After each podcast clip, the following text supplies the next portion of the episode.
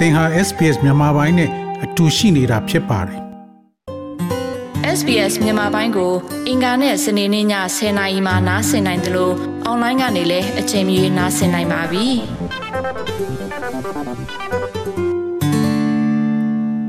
တော်ရရှိမြခင်ဗျာ New South Wales ရှိဒုက္ခသည်ဖြစ်ရောက်လာသူများအဖြစ်များသောကင်ဆာများကို သိရှိစေရန်အတွက်အခမဲ့စစ်ဆေးမှုများရယူရန်တွန်းအားပေးလျက်ရှိနေပါတယ်။ ပြည်내အစိုးရနဲ့ Cancer Institute တို့သည် Sahara Africa နဲ့အရှေ့အလယ်ပိုင်းဒေသများမှာဒုက္ခသည်အသိုက်အဝန်းများကို အာယုံစိုက်တဲ့အစီအစဉ်သစ်တစ်ခုကိုစတင်လိုက်ပါတယ်။ကင်ဆာရောဂါအကြောင်းအသိပညာပေးခြင်းနဲ့မယုံမကြည်ဖြစ်သည်ကို ဖြိုခွဲရန်မျှော်လင့်ချက်ဖြင့်ဒီအစီအစဉ်ကို ပြုလုပ်တာဖြစ်ပါတယ်။ဩစတြေးလျမှာတစ်နှစ်သာနေထိုင်ခဲ့ပြီးနောက်ဆီးရီးယားဒုက္ခသည်မီ လေဒ်အရော့စ်ရာဝီသည်ရင်သားကင်ဆာဖြစ်နိုင်တယ်လို့စိုးရိမ်မှုတွေဖြစ်ခဲ့ပါတယ် I uh, have a little pain here. Uh, I uh, go to my uh, doctor GP, tell me, uh, send me to uh, uh, specialty. ဒီမှာနင်းနေနာကျင်လို့ကျမဆရာဝန် GP ကိုသွားပြပါတယ်အထူးကုစီကိုသူကပို့ပေးပါတယ်သူမသည်ဓာတ်မှန်ရိုက်ရန်သွားပြီးနောက် အဆိုးဆုံးကိုကြောက်ခါစောင့်ဆိုင်ကစိုးရိမ်နေခဲ့ရပါတယ် My specialty do test to my breast cancer. Uh, after uh, uh, 15 days, the result it's uh, good, negative,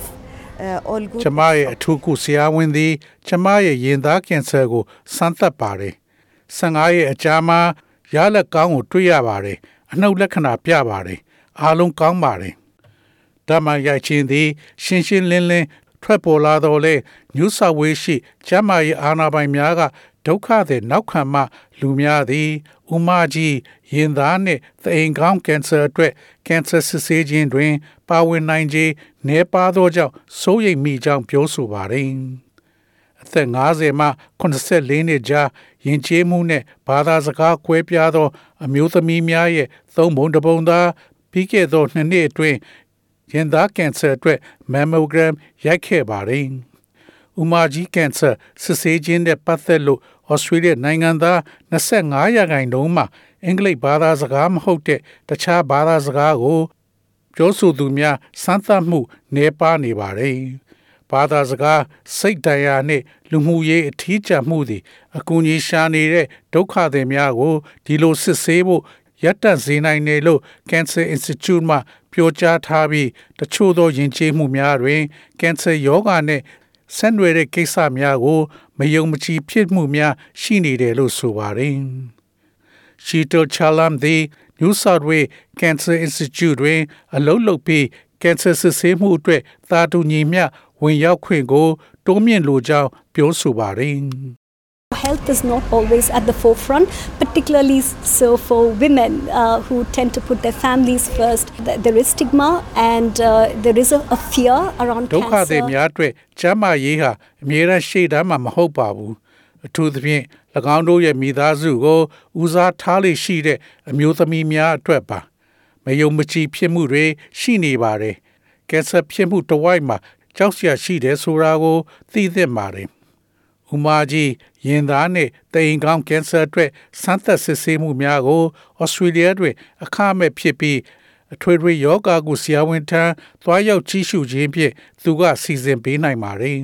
။ဒုက္ခသည်အသိုက်အဝိုင်းမိသားစုများစွာသည်ဘာသာစကားသင်ယူနေတာနေထိုင်ရန်နေရာရှာနေကြတာကိုဦးစားပေးလိရှိတယ်လို့ဒုက္ခသည်အခြေချအေဂျင်စီများကပြောဆိုပါတယ်။ ထို့ကြောင့်၎င်းတို့သည်၎င်းတို့ရဲ့ကျန်းမာရေးကိုဦးစားပေးလိမရှိကြဘူးလို့လည်းပြောဆိုပါတယ်။ ويقول من قام باجراء الاختبار بانه سريع ونظيف واسهل مما كانوا يتوقعون ستستلمون بالبريد مظروفا فيه كل ما تحتاجونه لاجراء الاختبار بما في ذلك استماره ဥ تفاصيل မာကြီး المشارك ရင်သားနဲ့သိင်ကောင်းကင်ဆာအတွက်စမ်းသပ်စစ်ဆေးမှုများကိုဩစတြေးလျတွင်အခမဲ့ဖြစ်ပြီးအ ထွေထွေယောဂကုဆရာဝန်ထံသွားရောက်ကြည့်ရှုခြင်းဖြင့်သူကစီစဉ်ပေးနိုင်ပါတယ်။သို့သောဒုက္ခသည်မိသားစုများအတွက်ဘာသာစကားတစ်ခုသင်ယူနေပြီးနေထိုင်ဖို့နေရာရှာနေကြတာကြောင့်၎င်းတို့သည် သူတို့ရဲ့ကျန်းမာရေးကိုဦးစားမပေးနိုင်ဘူးလို့ဆိုပါတယ်။ Michael Zafranis သည်ဆင်နီအနောက်ပိုင်းရှိဒုက္ခသည်အခြေချနေထိုင်ရေးအဖွဲ့အစည်းဖြစ်တဲ့ Mito Assist ရဲ့ CEO ဖြစ်ပါတယ် Prevention's the best cure, right? Always is. Any investment in this side only saves, you know, not time, energy, and money down the track, but saves lives. ကြိုတင်ကာဝယ်ခြင်းသည်အကောင်းဆုံးကုသတဲ့နည်းလမ်းဖြစ်ပါတယ်။အမြဲတမ်းဒီဘက်မှာဘလောက်ပဲယင်းနှမြုပ်နှံမှုမဆိုအချိန်အားနဲ့ဝေလန်းချောင်းပေါ်မှာမကယ်တင်ပဲ၎င်းသည်အသက်များကိုကယ်တင်နိုင်ပါတယ်။ဒုက္ခသည် Millet Anostro Anostro သည်ဩစတြေးလျတွင်ရရှိသောကျန်းမာရေးစောင့်ရှောက်မှုအတွက်ကျေးဇူးတင်ကြောင်းနဲ့သူမရဲ့ပုံမှန်ကျန်းမာရေးစစ်ဆေးမှုများကိုဆက်လက်လှုပ်ဆောင်သွားမည်ဖြစ်ကြောင်းပြောကြားပါတယ်။ Uh, I advise uh, every women's at Australia, Arabic, no Arabic, to do this test because very ကျမသည် important. ဩစတြေးလျရှိအမျိုးသမီးတိုင်းကိုအာရမဟုတ်သူများလည်းဤစစ်ဆေးမှုကိုပြုလုပ်ရန် အလွန်အရေးကြီးကြောင်းကျမအနေနဲ့ပြောလိုပါတယ်။ New South Wales အစိုးရသည်ယခုဘဏ္ဍာရေးနှစ်တွင်ဒေါ်လာသန်း180ကတိပြုထားပြီးရင်းရဲ့တစ်စိတ်တစ်ပိုင်းမှာကင်ဆာရောဂါကိုစီမံခန့်ခွဲခြင်းစီသို့ဦးတည်သွားမယ်လို့ဆိုပါတယ်။တော်ရရှိမြခင်များ SBS သတင်းဌာနက Felicity Davy ရဲ့ဆောင်းပါးကိုဘာသာပြန်တင်ဆက်ပေးထားတာဖြစ်ပါတယ်ခင်ဗျာ SBS မြန်မာပိုင်းကို အင်ကာနဲ့စနေနေ့ည10:00နာရီမှနားဆင်နိုင်ပါတယ်။နားဆင်နိုင်တဲ့နည်းလမ်းအများကြီးရှိပါတယ်။ Radio Digital TV Online ဒါမှမဟုတ်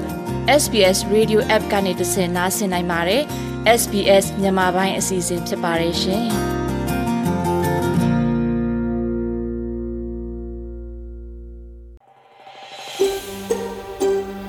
ဒါမျိုးသတင်းဆောင်မတွေကိုပိုနားဆင်လိုပါလား Apple Podcast Google Podcast Spotify တို့မှာသင်ပင်ရာဖြစ်ဖြစ်ရယူတဲ့ podcast ကနေပါ